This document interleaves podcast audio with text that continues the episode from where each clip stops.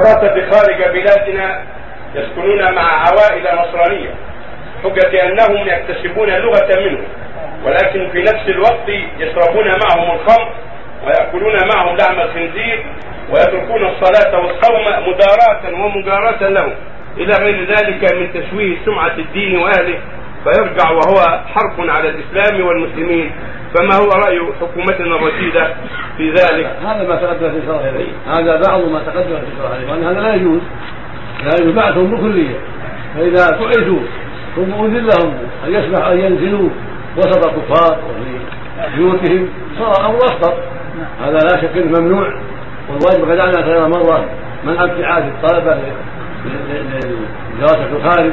ولكن الواجب العناية بالتنفيذ ومتابعة التنفيذ. والذين بالسكنى بين العوائل بحجة أنهم يفهمون اللغة ويسهل لهم. فهم اللغة الإنجليزية مثلا هذا من دسائس الشيطان. ومن نزغات الشيطان. فإنه إذا ينزل بينهم وبين عوائلهم كان هذا أفضى كان هذا أقرب إلى الشر وأعظم الخطر من الزنا وشرور الخمور وغير هذا وفساد العقيدة وفساد الأخلاق. ولو كانوا عيبين بمعاهد اللغة بعيدة ومدى بعيدة عن الأسر عن الأسر وعن النساء لكان أسلم. فنزول الطالب بين أسر الكفار وفي بيوتهم ولو عندهم لا شك أنه منكر عظيم وخطير. لا يجوز البقاء أبدا. وعلى الدولة أن أن أن تمنع من هذا منعا باتا.